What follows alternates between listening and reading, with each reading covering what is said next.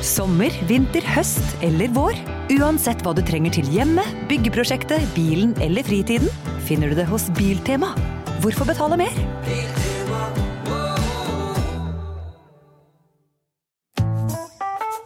Har du et enkeltpersonforetak eller en liten bedrift? Da er du sikkert lei av å høre meg snakke om hvor enkelt det er å sende faktura med fiken. Så vi gir oss her, fordi vi liker enkelt. Fiken superenkelt regnskap. Prøv gratis på fiken.no. Velkommen til Kjemperådet. Denne gangen har vi fått inn et kjempedilemma fra en familie. Jeg leser Hei, vi er litt uenige i familien her. Hvis du skulle vært et dyr, ville du hatt gjeller eller vinger? Oi, den er tricky. Ja, Hva ville dere hatt, da? Altså, jeg vet ikke, men Med familierabatt får du ubegrenset data fra Telenor fra 399 kroner. Da kan du jo scrolle seg til svaret, rett og slett. Ja, ok, Men for min del Ja. gjeller. Nei, nei. Nei. nei, vinger. Nei, nei, gjeller. Ja, okay, ja, Kjempebra. Men eh, se nye mobilabonnement på telenor.no. da. Three, two, one. Okay, we checked all four systems and zero down. we're still looking. Quality base here. The Eagle has landed. Velkommen inn i romkapselen til Eirik Mus og Nils Johan Halvorsen. When liftoff. Jeg har lyst til å begynne med et bitte, bitte lite sitat eh, denne gangen, eh, Eirik. Varme, varme, gi meg varme, for kroppen min er kald. Det er jo sånn ute i verdensrommet at eh, temperaturene er lave og så kjempehøye. Og sitatet er nerdy nok som det er. Et, et sitat fra et legendarisk norsk band. For dagens gjest, Eirik, er en eh, musiker, eh, radiolegende har jeg lyst til å kalle den, eh, og en manusforfatter, eh, TV-selskaper, og generelt eh, vanvittig nysgjerrig type. Vi kan si det. Vil du avslutte Eller vil du Nei, for du hadde, du hadde Ja, skulle okay. dra den der Da skal vi gjøre det, for at vi har Du altså, skulle jeg- dra den romkapselgreia di. vi, har, vi har romkapselen vår som vi er inni, og det er jo, vi, dette er liksom sånn eh, eh, vi- altså sånn suspension of disbelief, som er så viktig i, uh, i, i fiction. Uh, så ja, vi, altså i dag så har vi et problem, og det er rett og slett dette, at det finnes kriterier for å være i romkapsler. Det gjør det jo. Eh, NASA og ESA, som sender opp folk i rommet, de har krav, blodtrykk, helse, eh, vekt, en del sånne ting. Jeg stryker, helt åpenbart. Ja. Og så er det høyde. høyde. Høyde. Og makshøyden for amerikanske astronauter er 1,93. Det kan du bare drite i. Ja, nemlig. Her kommer jo da her, Allerede så har vår gjest vært inne på det. Den, den, den høyeste astronauten som noensinne har vært ute og fløyet, han het Jim Weatherby. Han fløy fem ganger med romferja. Han var akkurat 1,93. Alle Apollo-astronautene var 1,80 eller lavere. Og han som nylig så døde, en legendarisk russisk kosmonaut, Ja, eh, Aleksej Leonov, den første som vandra i rommet, han var altså faktisk eh, 1,63. Men det var jo Pygmy. han, han var, men det var en grunn til det. Romkapsler er små. Vi har et problem. Ikke sant vi har det, gjest? Kristoffer. Gjesten er enig. Skau. Altså, jeg ser jo dette er jo romrasisme. Ja, eller, eller rett og slett bare praktiske greier. Altså ubåt òg er utelukka. Ja, For men deg. jeg er ikke så interessert, merker jeg. Nei, nei, nei, fair enough. Men, men du begynte å kjenne på høyderasismen når, når romkapselen kom opp? Ja, altså Hvorfor er det med en gang man skal liksom lette fra kloden, så skal det liksom straffes å være lang? Det gjelder jo allerede på fly. Så er det i gang, på en måte. Dette er egentlig et innmari godt poeng. Jeg tror det mye handler Og jo lenger unna du skal, jo kortere må du være, tydeligvis. Ja, nei, og så er det en annet, og så er en annen ting er selvfølgelig også at, at så snart du kommer vekk fra jorda, så kan du si at da altså, er du på månen, da, f.eks., hvor du har en sjettedels gravitasjon, så er jo altså En av ulempene å være høy, da har jeg skjønt, jeg er jo ikke en av dem, men en av de ulempene er hvis du faller, så faller du jo langt. Men Ja. på månen så er jo dette mye mindre problematisk, for du faller jo da mye mykt. Altså, du faller jo mykt. Ja, og jeg mener også hvis man skal ut Jeg vil jo tro hvis man bosetter seg på Mars, da. Der er det, nå er vi inne på noe, ja. Ja, ikke sant? Og man da faktisk får til dette her og flytter dit, og man føder osv., så, videre, så vil man jo føde unger da, som, som blir påvirket av lavere gravitasjon.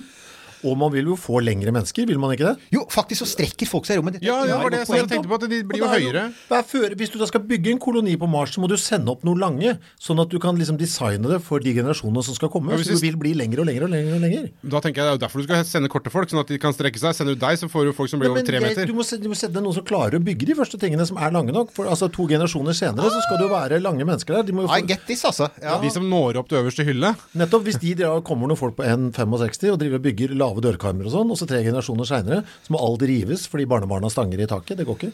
Ja, altså der Jeg- jeg- de trenger meg. Jeg føler jo meg sånn, altså, sånn litt fristet til å si sånn, sitere tilbake til fremtiden. Sånn? Where we're going, we don't need, the? We don't need wheels. Uh, flygebiler. Uh, altså, where we're going, we don't need dørkarmer. Vi får håpe at de har løst det problemet da, før vi kommer til, uh, til Mars. Det er gjerne det. de enkleste tingene de glemmer.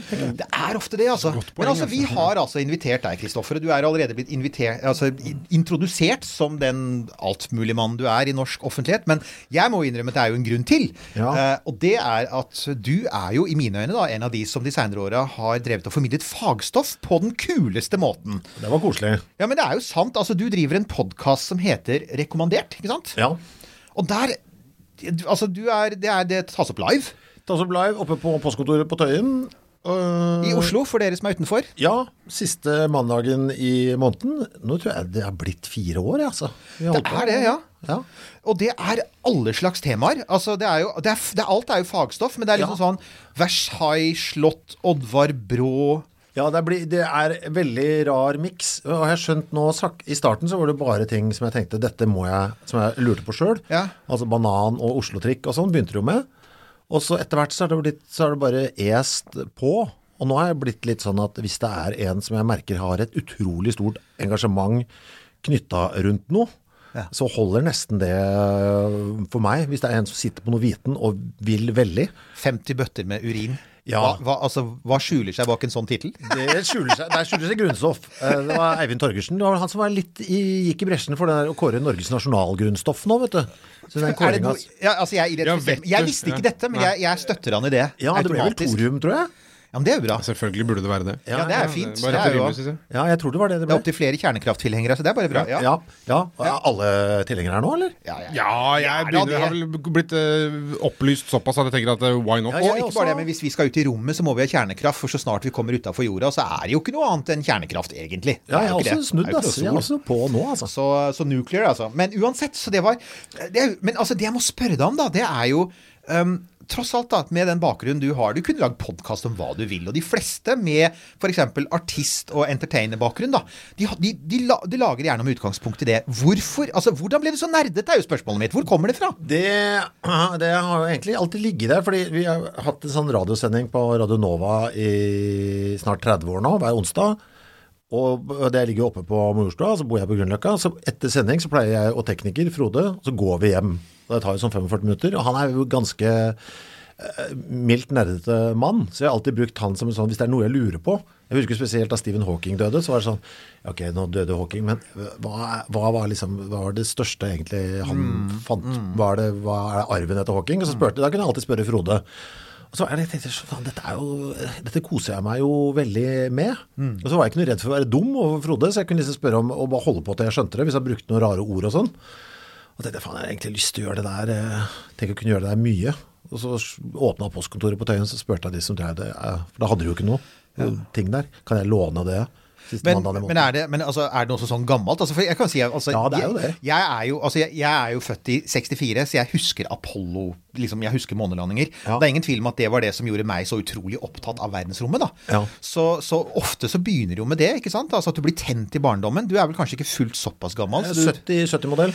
ja, så du Det var, husker ja, ikke sant? Det er nesten Det er akkurat ikke det. Akkurat ikke. akkurat ikke. Ja. Men det var jo samme som alle andre. Det var masse space da, også 70-tallet Jo, var jo, jo, jo, for all del, men altså, det er jo forskjell på hva jeg faktisk har huske det faktiske som skjedde. Eller, Skulke skolen for å se folk opp på månen, som jeg faktisk husker. Ja, nei, det gjorde jeg ikke, men det var jo samme som alle Jeg følte at alle drev med det samme. Det var, bø, det var bøkene om, te, om dinosaurer, og så var det om verdensrommet. Det var de to tinga det gikk i. Ja. Det begynte jo der, altså. Ja, Fossiler og planeter. Ja. det som ja. ja. Nei, men altså, det er jo, det, det, altså, det er jo helt sant. Det er jo det som har trukket oss. Og så antar jeg altså filmer, for eksempel. Altså, Ja. vi, hadde jo, vi hadde jo for ikke så lenge siden hadde vi en filmspesial her i, eh, i, i Romkapsel. Veldig innfløkte regler. eh, romfilmer, egentlig. Ja, altså ja. fi- De måtte som være i verdensrommet, eller? I, ja, helst foregå i verdensrommet. Ja, så Har du ikke aliens, liksom? Ikke aliens som kommer hit, liksom? Nei, ikke på jorda. Vi Ikke må være jorda, i verdensrommet. Vi må være fysisk i verdensrommet. Ja. Åh, ja, hva het den derre Den derre litt sånn tidsreisete greia som vant Oscar og greier? Hvor de måtte flykte fra den støvete planeten vår. Oh, eh, ja, riktig. Jeg Har lyst til å si Inception, stemmer det? Nei, det er ikke Inception. Jeg vet hvilken du mener. Med Matthew McConaughey. Ja, og- Matthew McConaughey og Den ja. likte jeg jo. ja, den er fin. For det var litt sånn, var det gøy med den tidstrøbbelet. Vi, vi, Ja. vi endte litt opp Vi, vi endte faktisk som Marsen også, med Matt Damon. Marsen er fin. Den er veldig fin. Dyrke poteter i bæsj, det er Ja, det er godt, altså. noen, måtte, noen, noen måtte åpne den der, for by the way. Jeg ser det som min jobb. Ja, ja. ja, men den var god, altså. Ja. Nei, så vi har, altså, så vi har liksom disse her Så, så du ser fremdeles sånne filmer? Og du har, Jo, men det ja. det er mest bøker, altså. Ja. Eh, Interstellar. Interstellar, å, Ja. takk! Yes. Ja, men jeg, jo, men jeg, sånn, innafor dette så er det ikke så egentlig bok som er Jeg må jo si uh, Three Body Problem, som har vært den store opplevelsen. Den ja, her, Har du vært inne på den? Jeg var, jeg var norsk fagkonsulent på, før den kom ut på norsk. Yes. Den er fantastisk. Den er bra. Den er bra, folkens. Trelegemeproblemet heter den på norsk, og det gjør den ikke minst fordi jeg insisterte på det, fordi jeg hadde tenkt å kalle den noe annet. Det må jeg få lov å si. og det er et kjent astrofysisk problem. Ja. Og den kjøpte jeg på lørdag. Som jeg, akkur det? jeg har akkurat begynt å lese den. Fordi eh, vi hadde snakka om et eller annet, og så dukka det opp i eh, Facebooken min at eh, Asbjørn Slettemark anbefalte den boka. Ja. Og så så jeg på coveret, og der sto det navnet ditt, Eirik. Og da tenkte jeg Ja. dette her er jo skjebnen, jeg må bare lese den boka. Det er en must, altså. Det er, det, det er utrolig kult å se science fiction komme ut av Kina nå. Ja. Eh, det er det. Det har begynt å ta, ta av der borte også, for det har vært så utrolig vestlig. Det har vært veldig mye sånn derre eh, Altså hvite menn på i 50-60-åra som har skrevet om eh, romkrig, og nå begynner det å liksom løsne litt. ja, og den er hard, altså. Leste du etterordet der òg, eller? Eh, ja. Han, var, han er jo ganske sånn på. Hvis vi finner noe liv på der ute, så er det liksom Det er bare én ting å gjøre. Drep det. det. Og det mener han av hele sitt hjerte. Og, altså det er, Han er ikke aleine om å mene det. Nei, det er jo stenhårt utgangspunkt for eh, Altså, det rokker ved mye.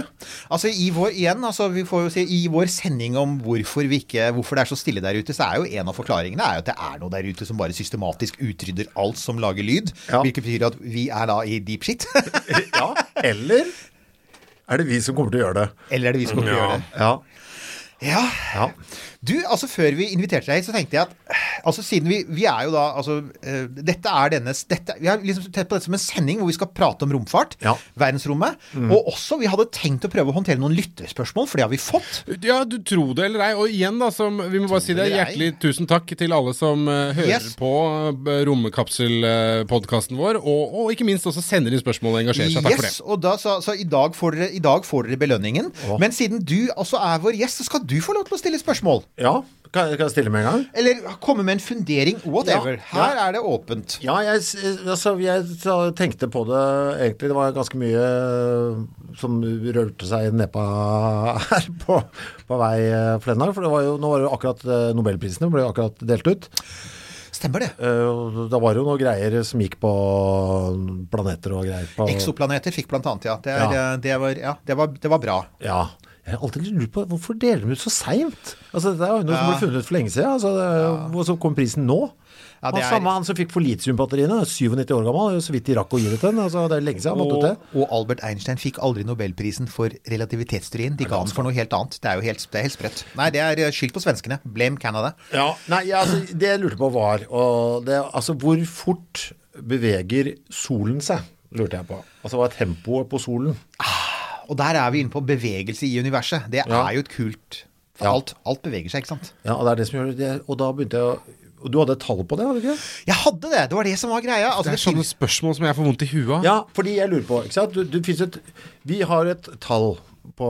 Hvor, hvor fort tror du solen beveger seg? Ja, nei, altså, de sier eh, Det det de har regna ut, det kommer an på i for, Hovedgreia er i forhold til hva. Men i forhold til det svarte hullet i midten av Melkeveien, da. Au, nå gjør det Ja. enda mer Ja, Ja, men, det det altså, som men det svarte hullet i midten altså, For at vi roterer jo rundt det. Så Ja. vi gjør jo det akkurat som en planet går rundt sola.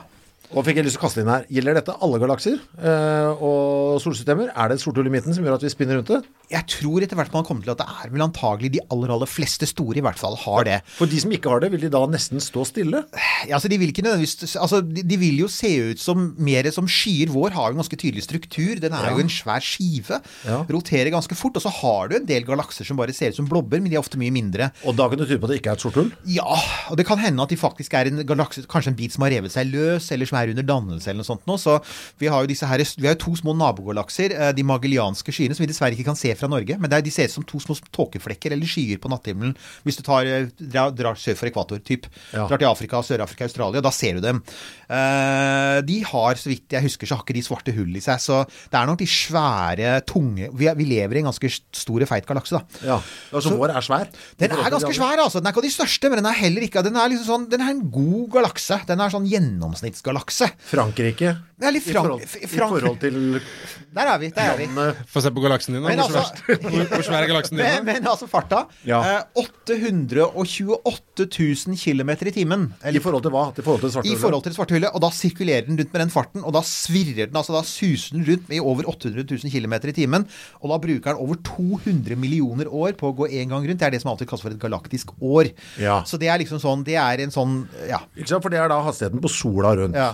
Og så har du da vi, eh, altså jorden i seg selv, er jo da med på den runden. Ja, og vi går jo rundt sola i en fart, det må ikke glemme. Ja, ikke sant? Så vi suser også nå i full fart rundt sola, som suser rundt det svarte hullet. Ja, ikke sant? Så vi har jo da, vi har da altså, hast, eh, For det jeg tenker på, det jeg egentlig satt og funderte på, hvor mange hastigheter kan jeg tilskrive meg selv her jeg sitter stille? Og jeg kan da Jeg har jo da okay. ro, Jordrotasjonen er jo én hastighet. Den, den beveger jeg meg med. Ja. Det er vi enige om.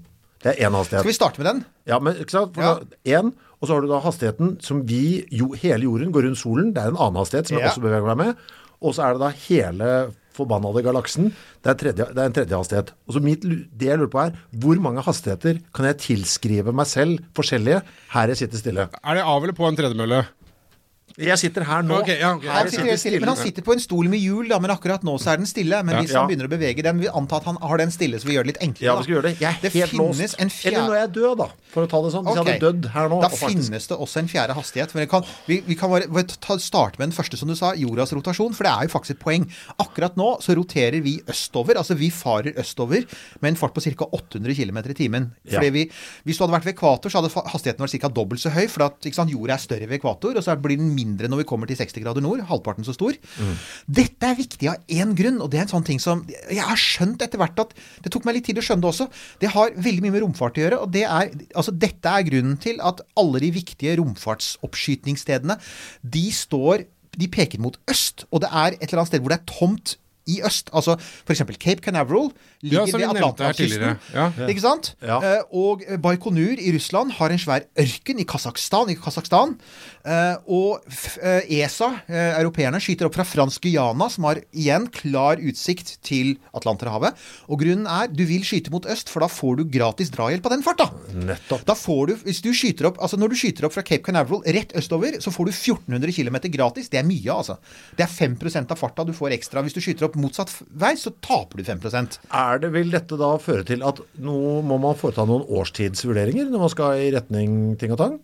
Nei, ikke egentlig. Nei. For at den, den farta den er konstant hele året. Ja. Så, så Men Hvis vi skal til andre planeter og sånn, så må man jo planlegge veldig nøye. da må man planlegge veldig nøye. Da må du skyte opp helt riktig når planetene står på riktig sted. Når når romskipet er på riktig sted. Helt riktig. Det er derfor du har sånne Amerikanere snakker om launch windows, eller oppskytingsvinduer. Ja. Og Hvis du f.eks. skal til Mars, så er det ofte, det er ofte bare noen få timer for eksempel, at du kan skyte opp for å få optimalt med fart. Da får du maks drahjelp fra jorda. Mars står på riktig sted. Du får maks drahjelp av jordas fart rundt sola, for den vil du også ha. Ja. For det stemmer jo altså at jorda går jo også rundt sola med en fart som er hva var det for noe? 30 km i sekundet, som er noe sånt noe som sånn 200 000 km i timen. Den vil du også ha drahjelp av. Ikke sant. Sommer, vinter, høst eller vår. Uansett hva du trenger til hjemmet, byggeprosjektet, bilen eller fritiden, finner du det hos Biltema. Hvorfor betale mer?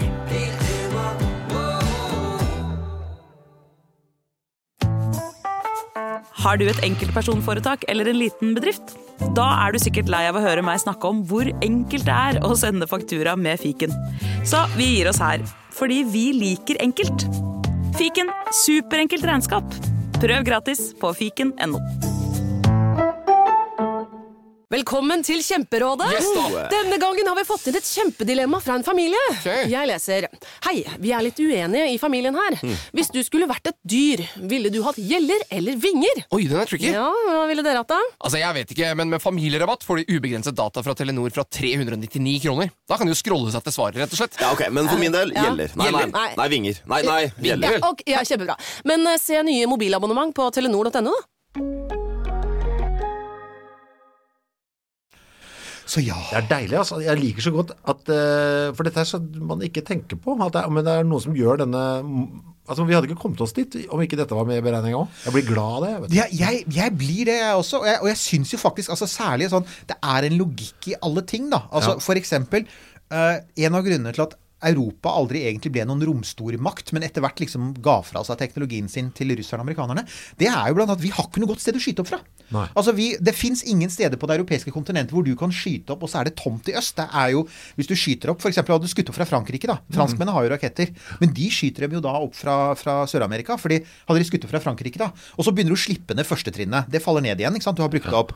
Ja, det detter ned på Tyskland, da. Ja. sant? De eneste som ikke bryr seg om det, har jeg lært av Eirik Knut, det er eh, kineserne. For at der kan det bare ramle ned hvor du vil. Ja, så det, det finnes, hvis, hvis, man går på, hvis man googler det, så er det sånn sånn Ja, Som Three Body Problem, de mener jo at vi bare skal drepe alt der ute Ja, uansett. og det er ikke så farlig med vårt eget heller. Nei, nemlig inklusive kinesiske landsbybeboere. Så hvis Ja. du liksom googler sånn 'Chinese rocket crash', så vil du se sånn små landsbyer i sin- sånn Xinjiang-provinsen. Og så, så er det sånn midt på, midt på sånn plass på, sånn, sånn, på torget i landsbyen så ligger det digert rakettvrak som er da kinesiske myndigheter, og så bare, hvis det blir litt mye bråk, så bare så skrur de det av. Så ja. Så, men, Men du, du sa det var en fjerde hastighet. Yeah, og her er jo greia. Og det er selvfølgelig altså, vi er jo, altså Universet utvider seg, ikke sant? Ja. Og da er jo spørsmålet Og her har altså, Jeg har også lurt veldig på akkurat det der. Altså, Fins det, en sånn- det en sånn egen hastighet der, da? Ja. Eh, og det man pleier å si, er at det er jo hele universet som utvider seg. Det er ikke bare galaksen som flyr ut i et tomt rom, men alt utvider seg. Hele tiderommet strekker seg. Og i sånn, sånn sett kan du si at på sett og vis så, så, så beveger vi oss kanskje ikke egentlig så mye i forhold til hvordan universet utvider seg. Men galaksen vår driver faktisk og flyr, den også. Å, herregud. Ja, ikke sant? Og, og her er greia. Man har greid å måle det ved å se på at det er en liten Når man har liksom ser på hele universet, sender ut sånn bakgrunnsstråling. Sånn derre eh, litt svak infrarød stråling. Ekko etter det store smellet. Ja. Som er ca. sånn tre grader over absolutt nullpunkt. Så det kalles ofte for tregradersstråling. Sånn veldig svak infrarød stråling. Én flekk på himmelen er litt varmere enn den motsatte flekken, som, siden av himmelen, som er litt kjøligere. Og det tror man skyldes at vår galakse liksom flyr i den retningen. Og det er to millioner kilometer i timen. Så vi er So yeah. Så fort, det. Så la en gang til. 800 km rundt, snurre rundt. Ja. Eh, 200 000 km i timen rundt sola. 820 000 km i timen rundt galaksen. Og 2 millioner kilometer i retning av God knows where. Er det noen små kilometer med de tektoniske platene som flytter seg også? Noen Ja! Ja, det er helt sant! Ja, det er, det, ja. det er stemmer. Altså, er må det noen centimeter her vår. Nå er jo ikke jeg geolog, men jeg mener å huske at vår kontinentplate driver med noen sankt, centimeter i retning av Nord-Amerika. Liksom er det hvert år, tror jeg det er. Så det er jo det. i året. Det er noen centimeter i året. Det har vi jo blant annet, vi har jo blant annet satellitter som har hjulpet oss til å Hvor mange klarte vi nå? Fem? Der er vi fem, og så Men så, ikke, så vil jo da, hvis det hadde vært en eh, kvantefysiker her, så ville de påpekt at alle atomene i kroppen din driver jo også og vibrerer og beveger seg. Ja. Så du, har, du er jo egentlig sånn, sånn sitrende sekk av vibrerende, dirrende bevegelse. Ja, ikke sant? Så, så ja. En sitrende sekk og en dirrende bevegelse. Det, var, det er en sånn setning som er henta ut fra en sånn novelle i Cupido eller noe sånt. føler jeg. Det var, Unnskyld, men det nå var et eller det du som gikk dit, ikke jeg. Ja, men Vi ender litt for ofte der. Vi er stadig vekk på jeg, jeg blir grensa. gæren av å tenke på at det der at det blir at Fordi hele driten eh, utvider seg eh, og forstyrrer alt som har med Altså forstyrrer alt som har med normal tenking å gjøre, med tid og alt mulig. At, ja, for du må liksom Hvordan skal du beregne farta der? For du har du Altså hvordan beregner du farten på utvidelsen av Jeg skjønner ikke det. Hvordan av utvidelsen av universet? Nei, altså, fordi, det- altså, for du har ja. ikke noe, hva, hva er holdepunktet, på en måte? Nei, helt riktig. Altså, er- det er helt sant. Du kan ikke egentlig, og det er derfor jeg sier også at Når det gjelder liksom vår fart i forhold til utvidelsen av universet, så blir det innmari vanskelig. og Det er blant annet for at vi er jo ikke helt sikre på hvordan det der universet vårt utvider seg heller. Nei. Akkurat nå så mener man jo at ut, universet faktisk akselererer. Altså det utvider seg stadig raskere. Jo lenger ut du kommer Ja, Eller? og det, ja, og det er eh, Og kanskje også over tid. Og hvis det stemmer, da, Ja. så er det klart, så, så kan jo universets skjebne bli riktig interessant. For da kan det jo eh, liksom hende at liksom alt bare river seg i filler en gang i Ja, for det er det et eller annet med at, ikke sant, at da blir farta tar igjen, og så blir alt revet eh, Ja, i biter det- til slutt. altså, man snakker jo- for nå har man- Stretcha og ja. Amerikanerne, amerikanske bøker driver av til å snakke om det de kaller det som the big rip. Altså at eh, akkurat Vi har jo the big bang, og så trodde man at alt bare skulle sånn slokne en gang. Men nå har man begynt å snakke om at hvis det akselererer og bare fortsetter å akselerere, så kan det hende at det ender opp med sånn stor at hele tidrommet revner. Hva tror du skal skje da? Er det noen som har tenkt noe rundt det? Ja, da kan tidrommet opphøre å eksistere. Da, altså, hvis en sånn rift da, er, oppstår i tidrommet, så opphører universet å eksistere. Men den beveger seg med lysets hastighet, hvilket vil si at vi merker det ikke før det skjer. Ja. Så med andre ord, det kan hende at denne sendingen slutter eh, nå. Men hvis den hadde gjort det, så hadde altså, tidrommet hadde opphørt å eksistere. Atomer, krefter, alt. Ja. Men det vil bare utvide seg til evig tid med lysets hastighet? Eh, for øyeblikket så er det det man sier nå, at liksom sånn Er det det er det nesten lysets hastighet. Ja, i, fremdeles er det der man er, Ja. men så kommer denne greia med at det går fortere over tid inn, og det er, ganske, det er, det er en oppdagelse fra de siste 15 årene. Er det bare jeg som blir gæren, eller? eller? Nei, nei, men jeg- Kjenner du også på at du, det er helt på grensen av hva hodet ditt klarer? Så Du syns det er gøy? Jo, men vet Du hva? blir ikke gæren, eller? Jeg blir sliten av det, og ja, jeg, det tror jeg alle blir. Jeg sa jo det at jeg får vondt i huet av det der. der Ja. Av de spørsmåla. Ja. Eh, Jeg syns det er kjempegøy inntil et visst punkt, og så må jeg bare stenge døren. Ja. Fordi man kjenner at man er i ferd med å bli å eksplodere. Ja, men det er, det er akkurat det som er problemet med sånne spørsmål som det der. Der. Men da merker du har jo da åpenbart mye større toleranse for, for den, å følge den rekka enn det jeg har. For at jeg får sånn har lyst til å bare stenge døra og, og tenke på eh, en farge eller en sang eller et eller annet sånt noe. Et eller annet mondant og enkelt. Men jeg tror det er litt av trikset, og noe, fordi jeg er helt enig med deg litt, men jeg synes, det jeg syns er deilig med det, er at det er litt sånn som eh, Det er litt som å ta pushups. Eh, Det er forferdelig vondt å ta to hvis du ikke har gjort det på lenge. Men hvis du tar to hver dag, så plutselig kan du ta tre. Altså Man må, man må gå inn og ut av situasjonen litt. Så Jeg nå- tror, ja. Man- det er noe av det mest voksne jeg har hørt noen si på veldig lenge. Ja, det er eh, og ja, men, men det er, man, man, må- jeg syns det er veldig deilig å være der eh, lite grann. Og så når jeg kjenner at galskapen kommer krypende, så må jeg løpe i Ja, motsatt retning. ja. Jo, men man kan det- ikke snakke om det alene. Man må ikke tenke på det alene. Nei. Man- og, og gjer- gjerne heller ikke om kvelden. Det er faktisk et godt tips. Jeg pleier å råde folk til det og si at vet du hva, hvis du skal tenke på disse tingene, så gjør det gjerne i litt sånn der avslappa, eh, koselig situasjon. Gjerne mens det er lyst ute. Hvis du blir liggende om kvelden, så kommer det Altså, det er jo noen som har kalt det sånn eksistensiell angst. altså, det er jo for at, for at det er veldig tett knytta opp med altså, universet, evigheten. Da er tankene går veldig fort i døden. Så du blir veldig, det er veldig sånn beslektet med dette med sånn Det er bare evig mørke. Og at ting er meningsløst, selvfølgelig. Ja, ja. Fordi, Ja.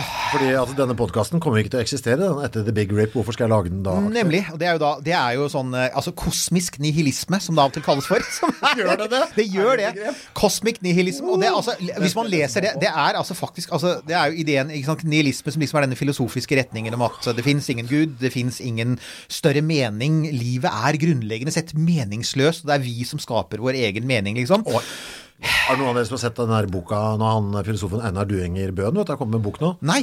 Som heter 'Meningen med livet'. Uh, hvor han påstår at det er den beste reklamen jeg har sett for noe som helst. Det er En kort liten YouTube-klipp. hvor Han bare forteller at jeg har kommet nå med boken 'Meningen med livet'. Og jeg har tenkt litt på det, og jeg har faktisk kommet fram til et svar. Et helt konkret svar. Hva meningen med livet er. Det er ikke religion, det er ikke det, men ja, der har du svaret. Jeg har kommet fram til det. 42. ja, ja. Nei, men han, det var så jævla cocky. Jeg gleder meg sånn til å lese den. Apropos det, altså meningen med livet. Det finnes, det finnes jo en film som heter The Meaning of Life. Kanskje Kanskje den beste Monty Python-filmen på sitt vis.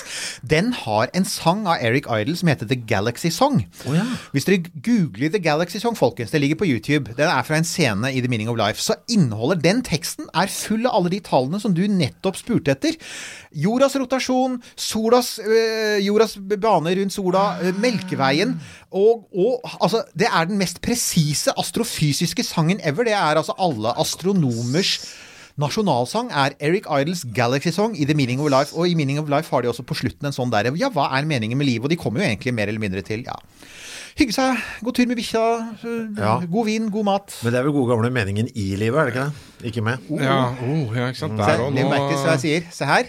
Nei, dette her, ja. det veldig Så havna vi over på sånne filosofi Jo, men altså, men- Men det blir jo det når du blir, er ikke, ender ikke alltid Hvis Jo. du holder på med det rompreiket for lenge, ender ikke alltid i filosofi, for det ender opp i etikk. Jo. Hva gjør vi hvis vi finner Helt- noe der ute. Og så filosofi hva skjer fordi du tøyer altså når tiden ikke fins og sånn. Da blir jo alt bare vas. Ja, helt sant. Og det er, eh, det er eh, Er NASA gode der? Har de folk? Har de filosofer og etikere? Nei, de jobber? har faktisk ikke det. Og det, er, det har vært en svær deal de senere åra, er at man har begynt å satse på noe som heter Space Ethics. Og det har oppstått i stor grad utenfor NASA. NASA er veldig fremdeles en sånn leverandør av ingeniørtjenester til den amerikanske stat. De jobber jo med fly og romfart. Det er det som er greia deres.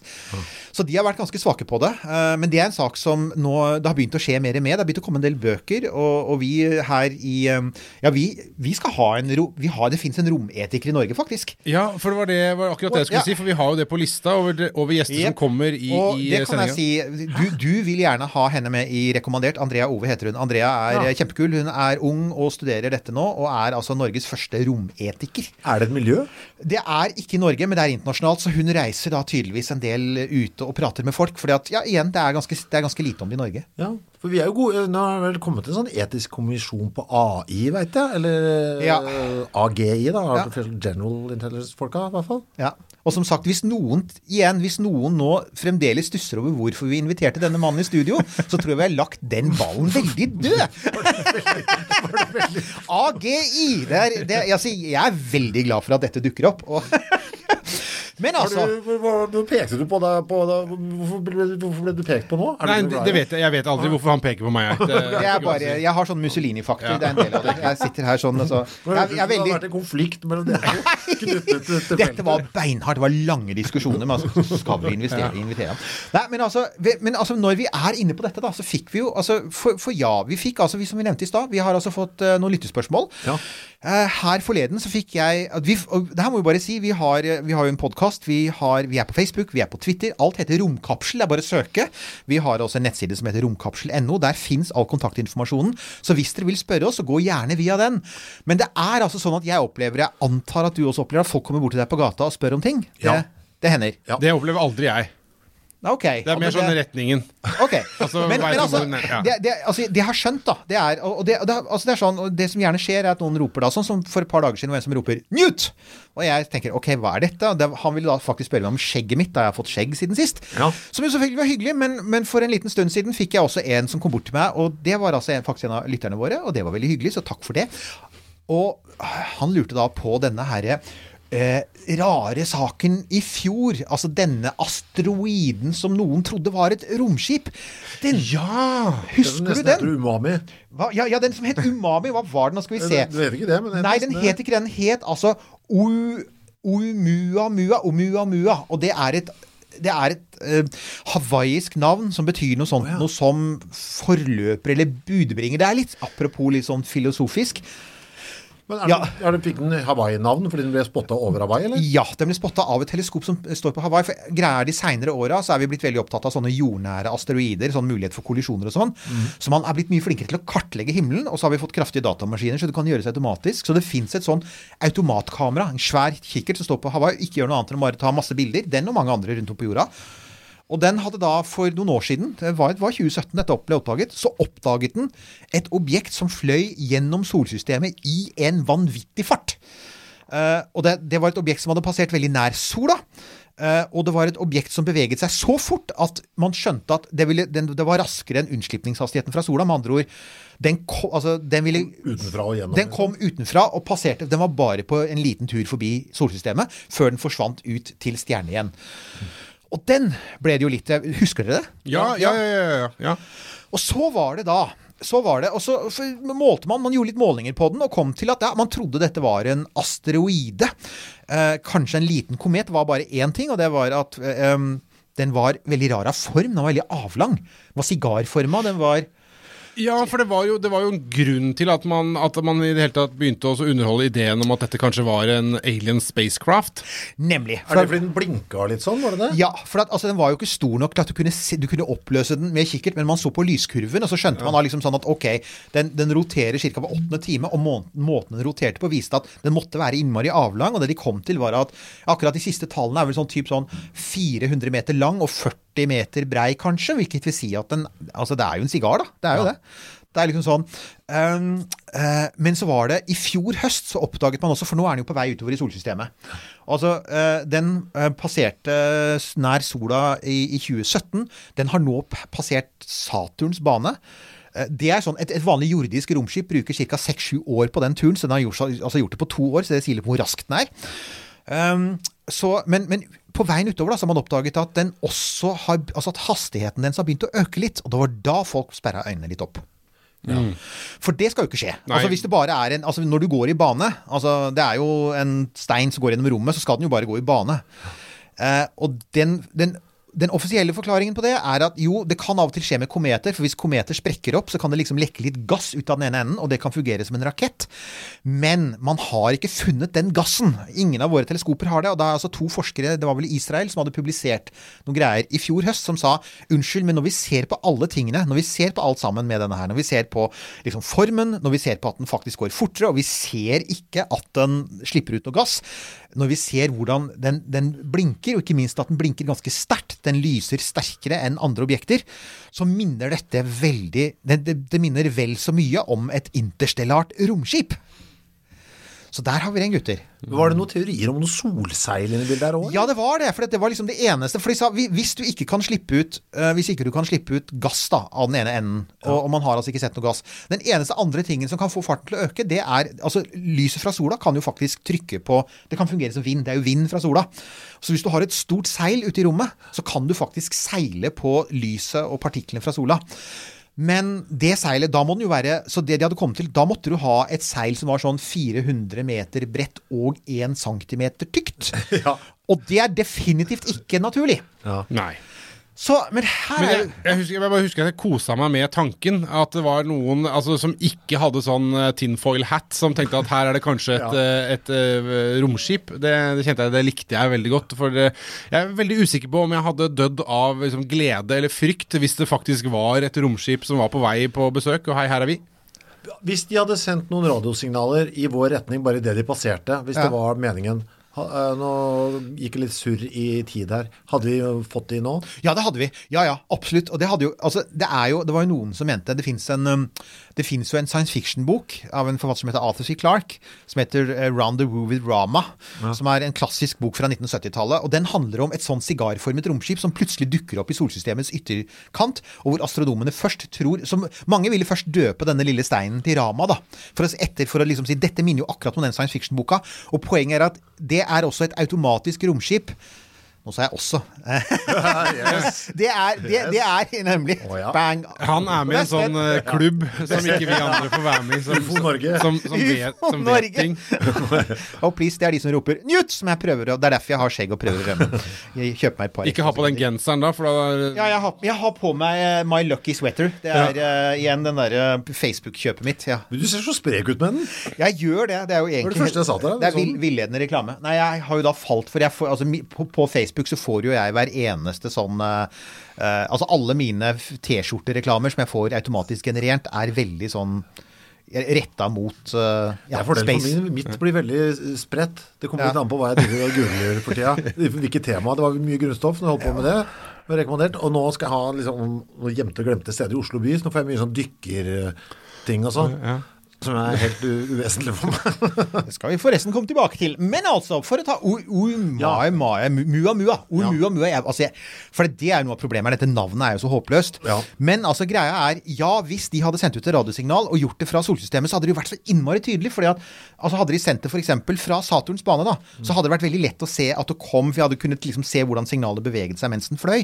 Så da hadde vi visst helt sikkert at den kom fra det romskipet. Og det hadde jo for så vidt vært en smart måte å gjøre det på også, fordi bare å sende det ut i universet, da, da, er det jo, da blir jo signalet veldig svakt. Det tar veldig lang tid. Altså, så ja. Men, men, men her er jo greia, da. Um, dette er ikke avklart. Uh, det er jo ikke det.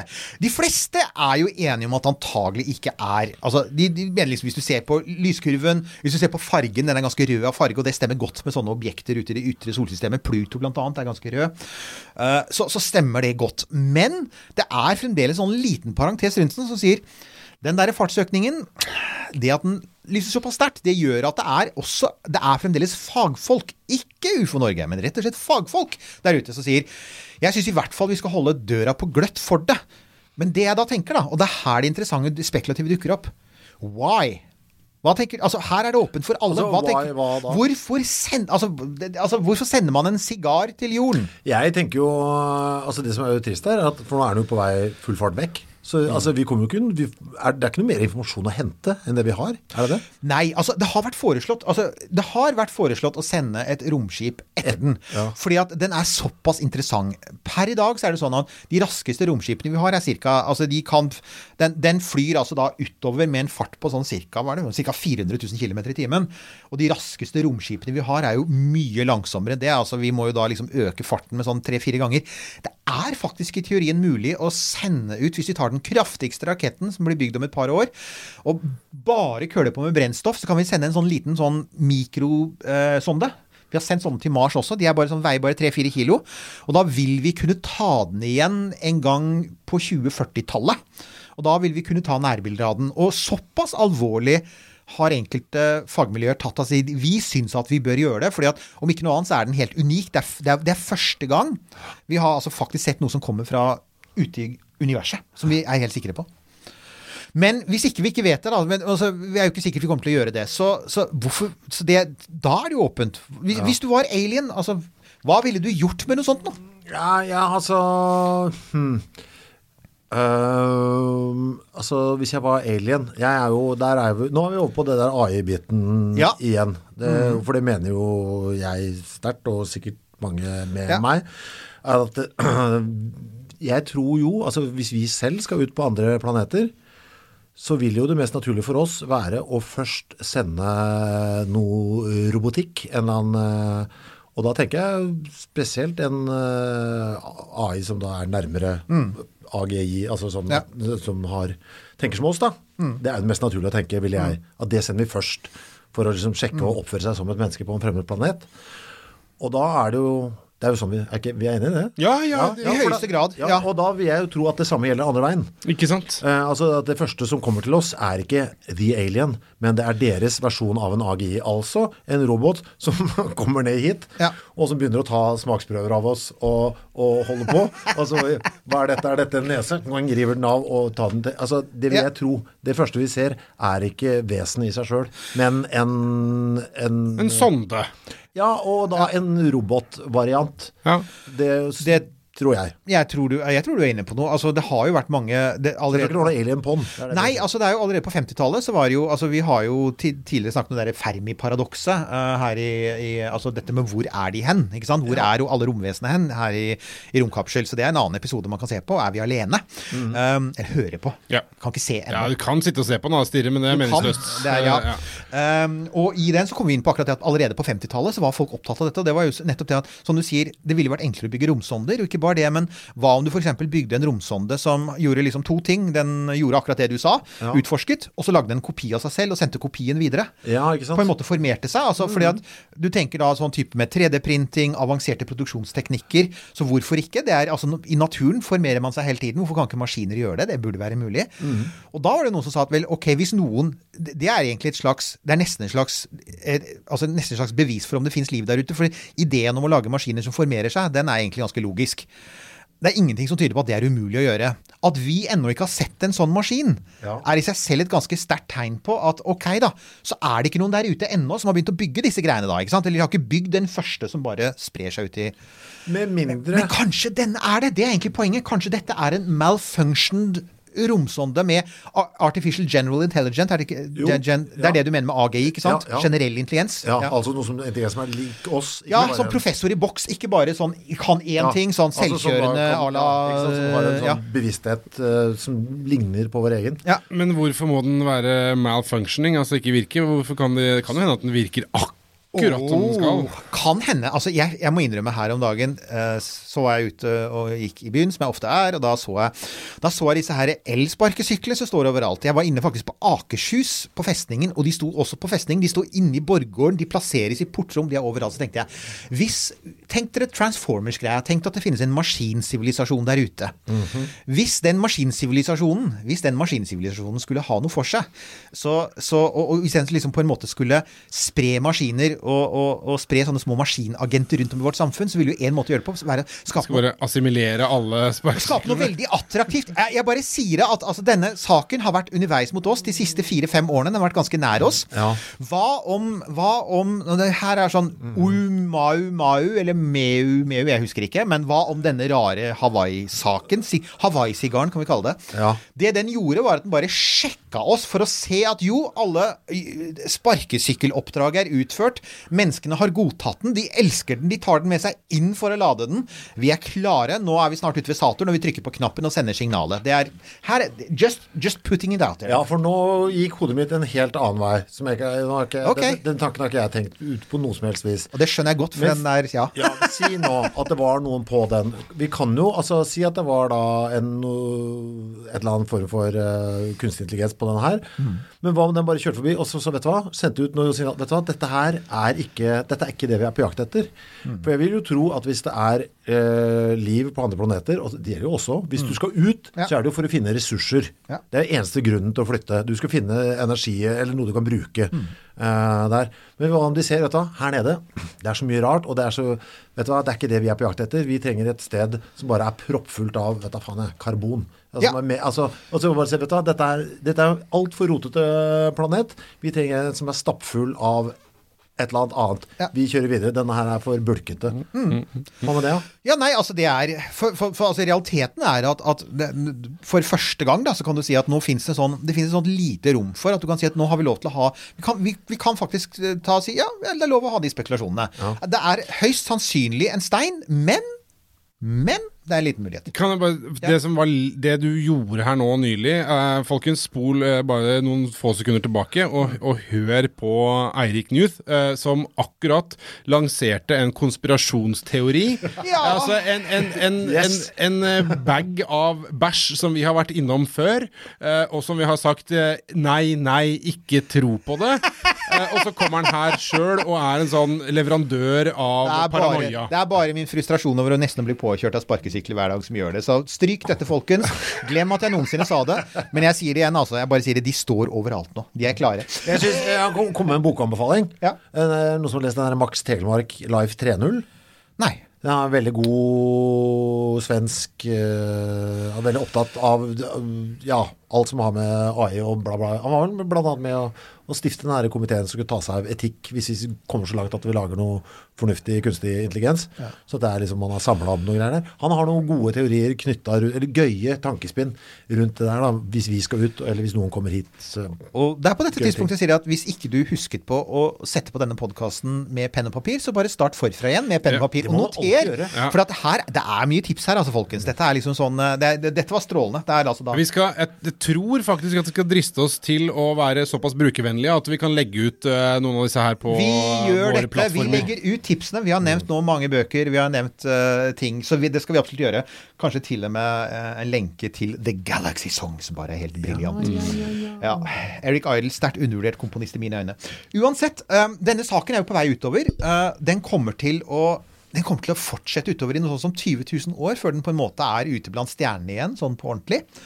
Så vi har jo tid på oss da, til eventuelt å prøve å ta den igjen, og det er jo det mange håper.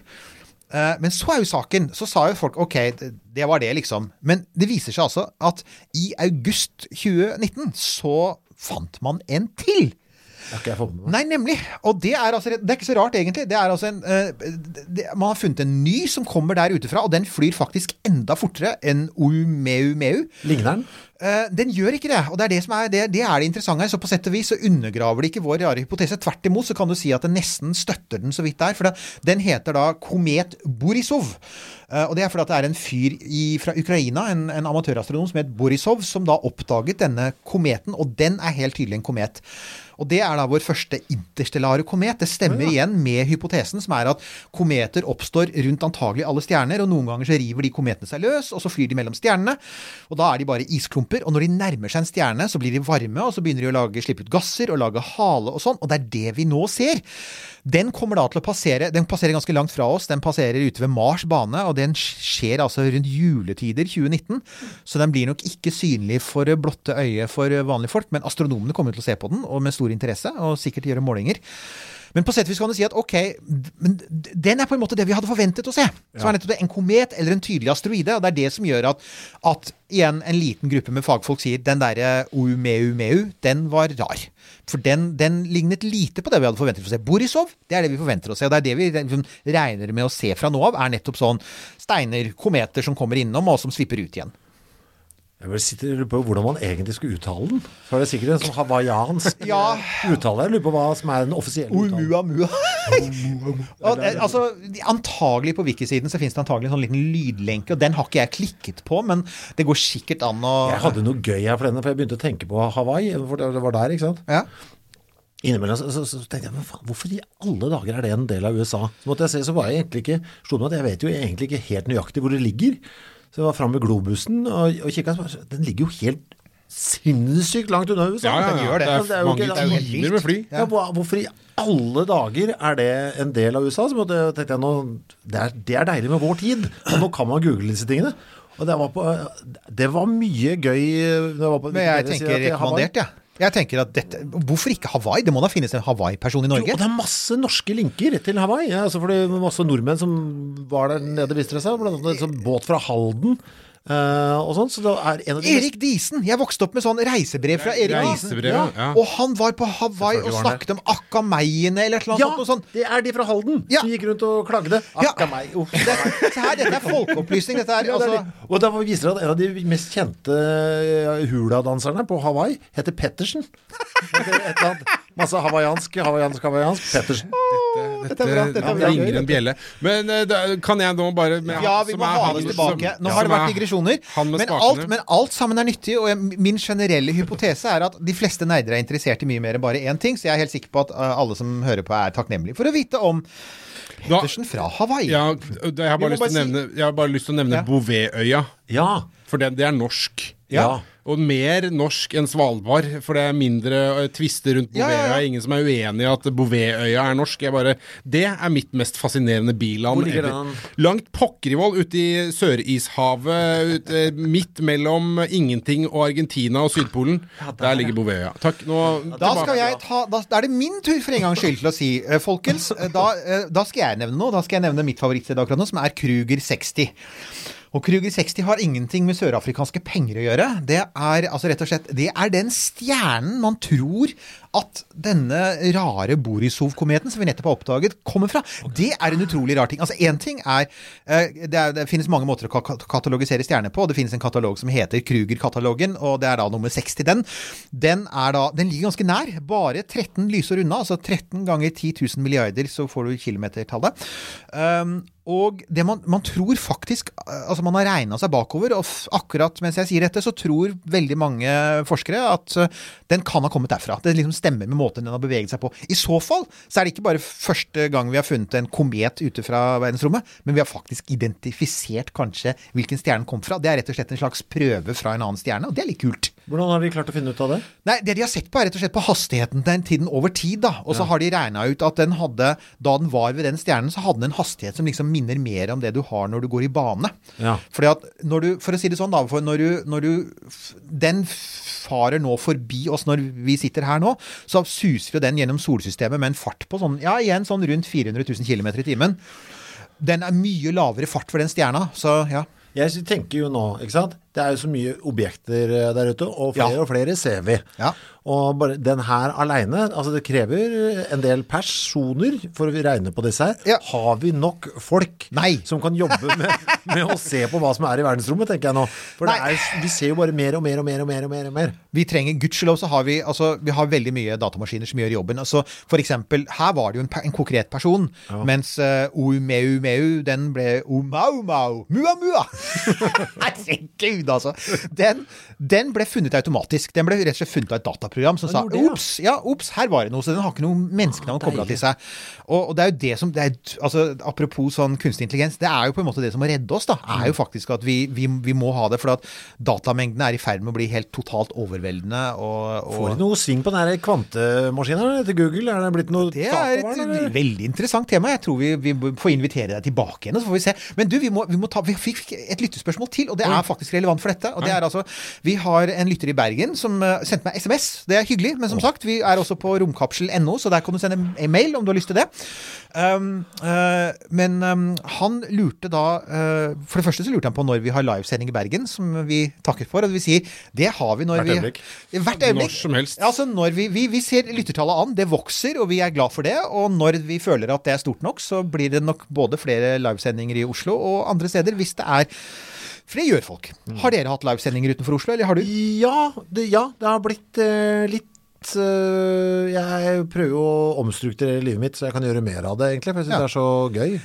Altså, vi hadde, vi, vi hadde har foreløpig bare hatt én, men det var kjempekult. Det var er- veldig- det var en hyggelig. super kveld. Veldig hyggelig. ja. Og så er det jo det som er jo bra når man er ute, for det blir jo sånn som dette her, da. ikke sant? Man, det blir jo en samtale sånn som dette er i, Ja. i etterkant også. Så man får jo så mye Masse man folk. Ja, ja, ja. Man får jo så mye input. Oi, faen, det er morsomt. Ja, det burde vi snakke om. Uh, Mye av det ja, sånn- det er jo selvdriven maskin. Rom fullt av NASA-T-skjorter. Det var liksom Det var det, det Hva er, var, ameri- hva er russernes variant? Ja, det er altså deres NASA heter jo nå Roskosmos. Roskosmos? Roskosmos, eh, drevet av en eh, veldig korrupt eks-oligark, men det er Oi. jo tema for en annen ting. Ross, altså eh, RUS? R, ja, ja, eller de skriver vel Ross, ROS, når det oversettes, men det er i Russland, altså. Det er Russlands kosmos. Kan man kjøpe merchandise med de òg? Du kan kjøpe Roskosmos Kosmos merch, og jeg har veldig lyst på det. Det er og- dedikert, hvis du gjør det. Det er Ja, for det for det er mer vanskeligere tilgjengelig. Ja, for tenk ja. hvis, jeg kan, hvis dere skal ha en sånn livepod, og jeg kan møte opp og jeg, alle må sitte masse med NASA der, men jeg har på meg en Ross Cosmos er Altså, jeg, jeg, jeg tenker jo at det vi gjør her, hadde vært en innmari god idé for en livepod når vi sier det. Altså, seriøst, dette her, vi kunne bare rett Og hjertelig velkommen til redaksjonsmøte spilt inn der. Nei, dette her er, dette er, det er de gode Jeg skal dette er- skrive opp. Roskosmos, ja. Jeg, nå tar jeg fra telefonen, jeg må skrive det. Jeg skal Ja, gjør det. Og i mellomtiden skal vi ta lyttespørsmål. For det var altså han, den, vår samme lytter i Bergen som lurte på dette med livesending. Han lurte også på har man funnet aminosyrer i meteoritter. Og det enkle svaret er ja, og det litt mer kompliserte er aminosyrer. er altså da byggeklossene i liv. Det er sånne viktige molekyler som ja, eh, proteiner, eh, DNA-molekyler er bygd opp av. Det er liksom legoklossene som som, som skal til for å lage oss og alt som lever. Så ja, de er funnet i meteoritter. Det fins flere typer meteoritter, og det fins en som inneholder mye karbon. Karbonrike meteoritter. De er altså rett og slett uh, proppfulle av Det er funnet 15-20 forskjellige aminosyrer. Så ja. Det er jo litt kult, da. For tenk på hva det betyr. Altså at byggeklo byggeklossene får liv. Har de noen andre altså, sånne egenskaper som gjør at vi liksom tenker oi, dette kan ikke komme herfra, når man ser på det? Ja, det, ja, det har man. Eh, Og det er rett og slett man, Det man ser på, er altså Dette er eh, Jeg er jo ikke kjemiker, men jeg veit at det man ser på, er annet um, Altså, molekyler er jo, har jo en form i, i rommet, på en måte. Og um, aminosyrer kan være dreid mot venstre eller høyre. Altså venstrehendte eller høyrehendte, liksom avhengig av hvilken vei de vrir seg i rommet. da. Og da er det liksom ah, liv på jorda. Jeg mener husk at det er venstrehendt, at det er mer av det.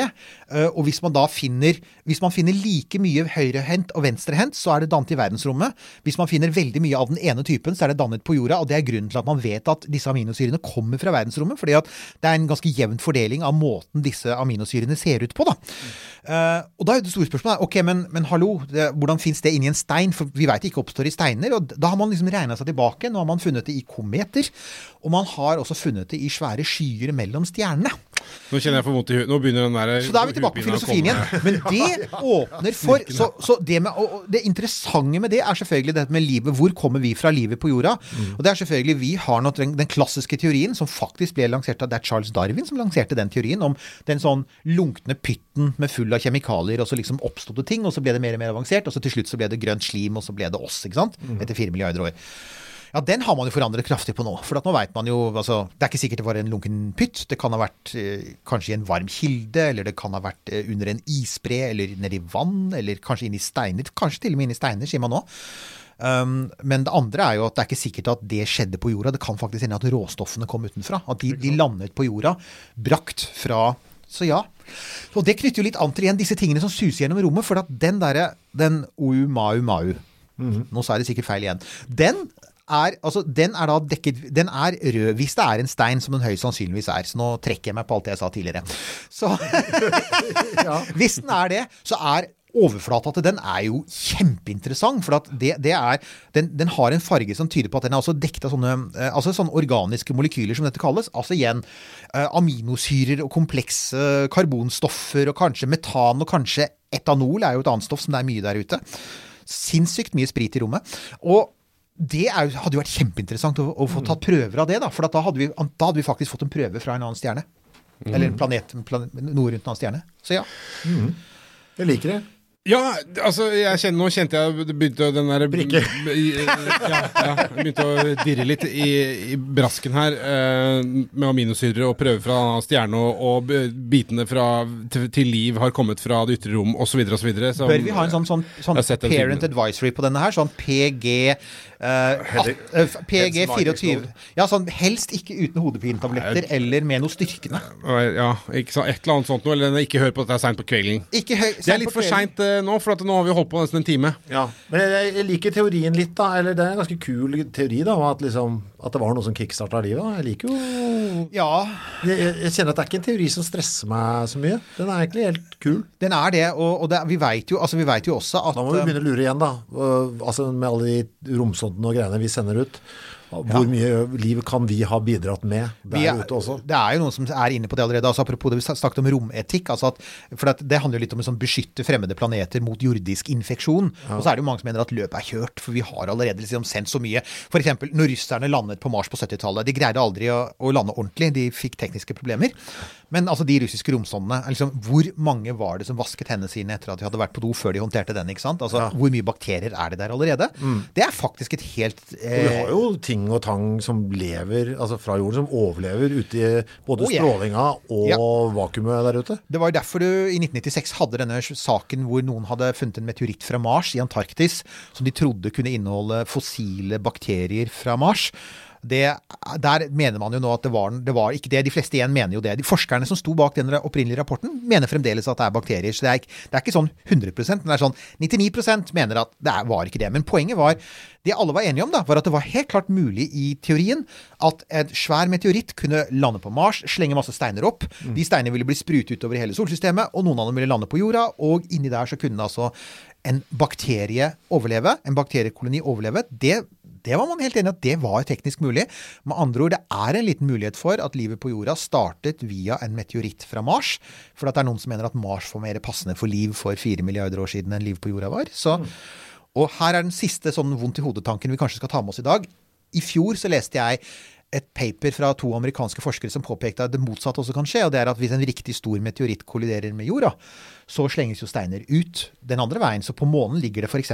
meteoritter som ble slengt ut av dinosaurdreperen for 65 millioner år siden. Den svære asteroiden som traff jorda, fylte jorda med skyer, og slengte ut masse materiale som fløy bort fra jorda ut i universet. Noe av det landet på månen, noe det landet på Mars. Men så er poenget noen av de steinene kan ha fått så høy fart at de fløy ut blant stjernene, hvilket vil si Umami, mami som umami-mami. Som med andre ord små budbringere fra jorden. Og i så fall så er de steinene har jo for lengst nådd ut til nære stjerner, for at det er 65 millioner år siden, så de har hatt god tid på seg. Så kanskje vi på Umami Mami, hvis vi sender en rakett etter den, Ja. kan se restene av en sivilisasjon som døde for lenge, lenge, lenge siden. Derfor er det derfor, Kanskje det ligger noen små nanochips oppå der. Man ser at det var en eh, industriell uh, Ikke gjeng. sant? Det kan være Det kan til og med være de, Nemlig de siste restene etter G- GAI AGI. Gener Arti Artificial General Intelligence. Ja. Kan være der. Så med andre ord, hvis det er en oppfordring som skal komme helt på slutten her i dag, så er det noen der. Roskosmos, gjerne dere. Eller eh, jeg tror det er det CNA, eller hva det heter. Kinas nasjonale rombyrå. Eh, eller ISRO, som er Indias eh, ISRO? ISRO, ISRO, Indian Space Research Organization. Inderne er begynt å bli kule. De har sendt sonder til Mars og månen. De er flinke folk. Eller NASA, eller ESA, eller han hvis navn vi ikke skal nevne, for han har vi nevnt for ofte her. Eh, hvis noen av dere hører oss og sier Du, den der sonden, den der ideen om å bygge en sånn liten sprintsonde, en sånn tre kilo tung, som dere sender av gårde sånn at den kan ta igjen Umami Mami, som vi nå har bestemt oss for å kalle den, så er det et utrolig kult prosjekt, for at dere kan altså finne enten kule uh, organiske molekyler eller altså Rester av et eh, teknologisk samfunn som gikk til helvete pga. av en asteroide. Og det, det vil jeg si det er verdt et besøk. Helt enig. Du, Kristoffer, tusen takk for at du ville komme i studio. Takk for at jeg fikk være her. Det var veldig gøy. Ja, og dette her har vært altså, en sånn filosofisk berg-og-dal-bane. Sjelden er- så gøy å få vondt i huet. Ja. Eh, og så bare sånn eh, for ordens skyld så vil jeg bare få lov til å si eh, nazist Werner von Braun. Så har vi tatt med oss det også. det måtte med! No, NASA, no, no Nazis, no NASA, som vi pleier å si her i studio. Og så må vi da selvfølgelig også si at vi er altså da tilbake igjen uh, om et par uker. Du hører, du får tak i oss på din favorittpodkast-app. Du finner oss på romkapsel.no, på Facebook, på Twitter. Bare søk på Romkapsel. Still spørsmål, kom med tilbakemeldinger, som dere hørte i dag. Det er altså sånn at vi, vi, vi bryr oss om dere, og vi svarer på spørsmålene deres. Vi tar dere på alvor, i motsetning til opptil flere podkaster jeg kunne nevne der ute. Du er blitt så flink eh, på de praktiske greiene der, Erik. Veldig bra. Man lærer av erfaring. Tusen takk, eh, Kristoffer. Takk for at dere fikk komme. Vi sier ha det. Vi signer ut og lander og alt Det gjør vi. Ja, det er på, vi er på vei ned i. Kasakhstan igjen. Vi er det, og fallskjermene folder seg. Og du skal endelig få lov til å rette deg ut igjen, for det kan jeg si at i en Soyuz hadde du hatt det vondt. mann. Denne Podkasten er produsert av Tid og Lyst.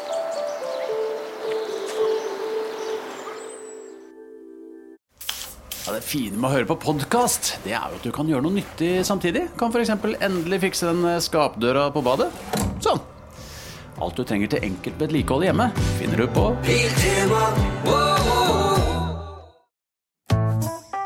Har du et enkeltpersonforetak eller en liten bedrift? Ikke det? Nei. Nei, men da holder vi det enkelt og gir oss her. Fordi vi liker enkelt. Fiken superenkelt regnskap. Å ta bedriftens årsoppgjør og sende inn skattemelding uten regnskapsprogrammet TrippelTex er litt som å kjøre budbil uten GPS. Du får nok levert, til slutt, men ikke uten å rote rundt og bruke masse tid. Med TrippelTex kan du stole på at du har riktig verktøy til regnskapsjobben. Prøv gratis på TrippelTex.no.